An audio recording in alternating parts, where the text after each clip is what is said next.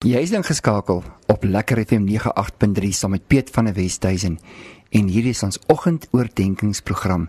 En jy kan weer daarna gaan luister op die webwerf skakel by www.lekkerfm.com daar onder die potgooi skakel is daar oggendoordenking en jy kan dit weer aflaai en dan ook met iemand anders gaan deel.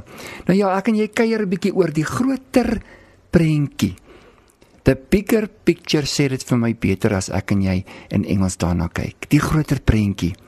Somstyds is dit so maklik om 'n afdraai paadjie te vat as ek en jy nie weet wat die groter prentjie is nie. Ons verstaan nie die doel van sekere gebeure en die bydraes en wat die impak in ons lewens is as ek en jy verlore raak soor in die kleiner detail en ons vergeet van die groter prentjie nie. Nou in Genesis 1 vers 1 vers 2 ek en jy ken dit. In die begin het God die hemel en die aarde geskep. In die begin het God die hemel en die aarde geskep. Die aarde was heeltemal onbewoonbaar. Dit was donker op die diep waters maar die gees van God het oor die waters gesweef. God skep hierdie planeet. Hy stuur sy woord in Johannes hoofstuk 1 om alles te onderhou en dit sluit my in jou in deur sy woord.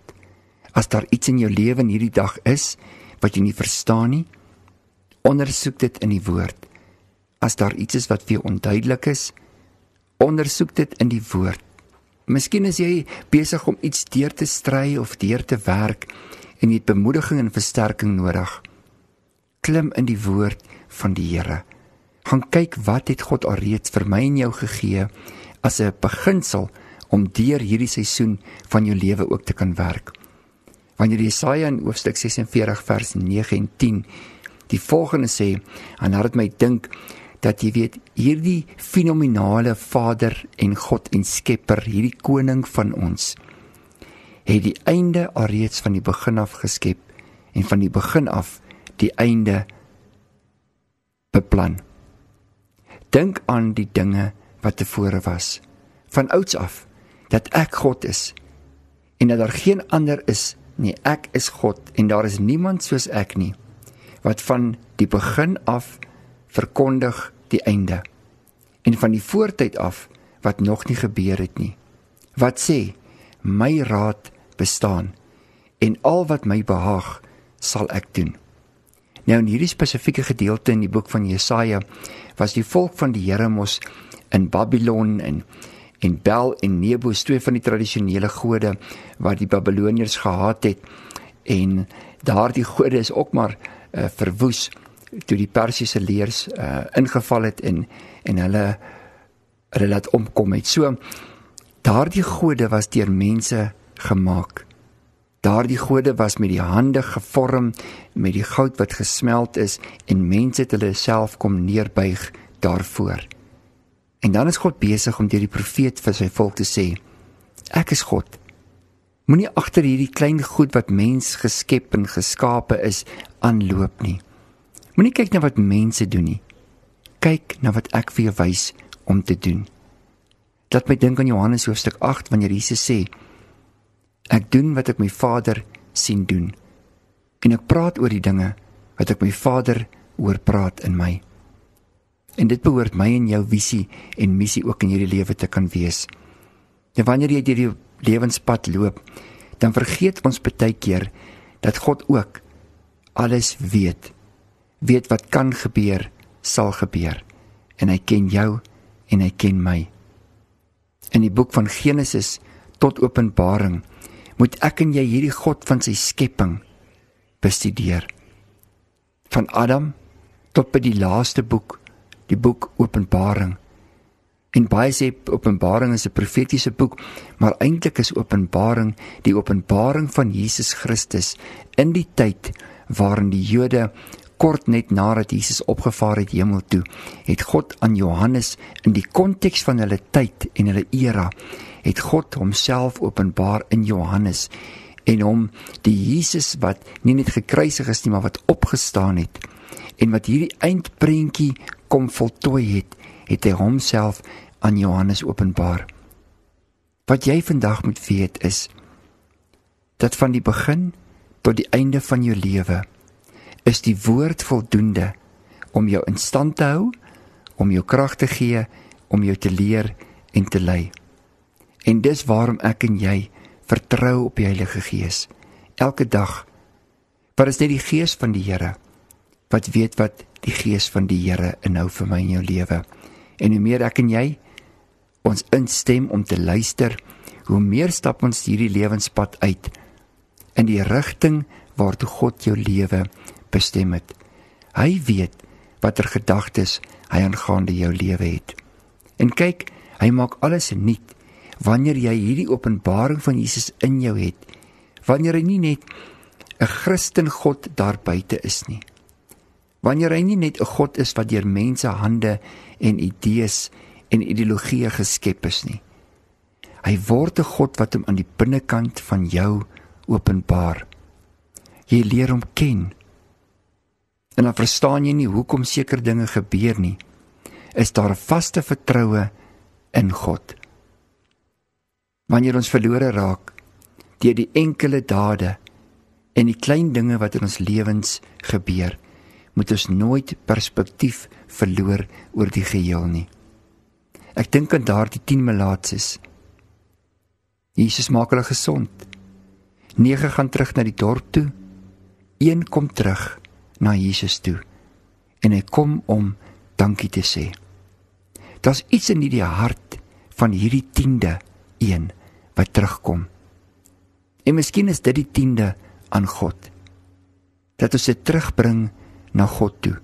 Ons lewens, ons talente, ons tyd, die vermoëns, alles wat God aan jou toevertrou het om weer terug te draai na hom toe en te sê: Here, dankie vir dit wat U my gegee het. Dankie vir dit wat ek het. En Jesus in daardie oomblik met daardie gees van dankbaarheid, daardie gees van erkenning van die 10de een vir hom sê Jesus jy is nie net genees nie maar jy sal ook heel wees en iets van die groter prentjie breek Jesus in die lewe van hierdie man oop hy het ook teruggegaan en homself aan die priester getoon. Maar daar was iets meer wat hy ontvang het wat die ander 9 nie ontvang het nie. Sien ek en jy kan so baie maklik in ons lewens net leef en verby die oomblikke van ons lewe leef. En nie besef dat elke ervaring, elke oomblik dra by tot die geheel. En daardie geheel is in die hart van God. God weet wie hy is. God weet wat hy in jou geplaas het en waartoe hy jou geroep het. Die groter prentjie begin by Genesis. Ja, en ons eindig by die boek van Openbaring wanneer dit oor die konteks van die Bybel kom. Maar so is God besig om die groter prentjie in jou lewe te ontsluit. Ons kyk na die lewe van Daniël. Ons kyk na die lewe van Josef. Ons kyk na die lewe van 'n Dawid, 'n Moses, 'n Josua, 'n Gideon. Jy sien as jy hom net in een aspek van sy lewe gevind het, dan kon hy dalk verlore geraak het en sy identiteit gekoppel het en bepaal het deur waar hy was en wat hy beleef het. Maar die groter prentjie sê dat God op reis is met jou, dat hy nog op pad is met jou in jou lewe. En daarom hoef jy nie te kyk in jou identiteit te vorm aan waar jy is nie maar om te besef dat wie jy is hang af van om te glo, te vertrou en te kan sien wat God besig is om in jou lewe te doen. Wat het God oor jou lewe gesê? Wat is die groter prentjie van die woord? Watter inspraak van die Heilige Gees het jy al ontvang? En dat daardie dinge sal vas wees in jou hart dat jy in die groter prentjie soms twee tree terug sal gee om net te kyk wat is eintlik die toneel wat hier voor jou lê. As 'n olifant 'n meter van jou af kom staan, dan kan jy nie die geheel prentjie kry nie. Jy sien dalk maar net 'n gedeelte van die oog of die kop of miskien die agterbeen, voorbeen of die middeldeel van die lyf maar hoe meer jy terugkeer, terugstaan, hoe meer ontvou hierdie groter prentjie homself in jou lewe. Moenie verstrengel raak in die ingewing van die oomblik wanneer dinge aan jou deur klop nie. Staan baie keer twee tree terug. Moenie net 'n opsomming maak deur die loergaatjie van jou ervaring nie. Besef besef net dat God is eintlik besig om iets hier in jou lewe te doen wat 'n bydra is tot die geheel, die groter prentjie. Wanneer ons kyk na die Bybel en ons dink aan die boek van Genesis en die tuin van Eden, plaas God twee bome daar in die tuin. Hoekom? Hoekom sal hy hierdie twee bome ook daar in die middel van die tuin plaas? Die een boom, die kennis van die goed en kwaad. Die ander een, die boom met die vrug van die lewe. Hoekom sê God hierdie twee bome daar sit? Wat is die groter prentjie van hierdie? En wat het die skrif in Hebreërs te doen met om te sê dat jy weet vleis is vir die wat vaste spyse kan verwerk en eet. Dis vir die wat die onderskeid het om die goed en die kwaad te kan sien en die gees te kan laat triomfeer. Jy sien wanneer ek en jy van daardie vrug van die boom van kennis van goed en kwaad eet, dan is dit nie veronderstel om my en jou lewe te vernietig nie. Dis nie veronderstel om in die kleiner prentjie ander mense leed aan te doen nie. Maar ons het daardie kennis. Soos God ook die kennis van die goed en die kwaad het.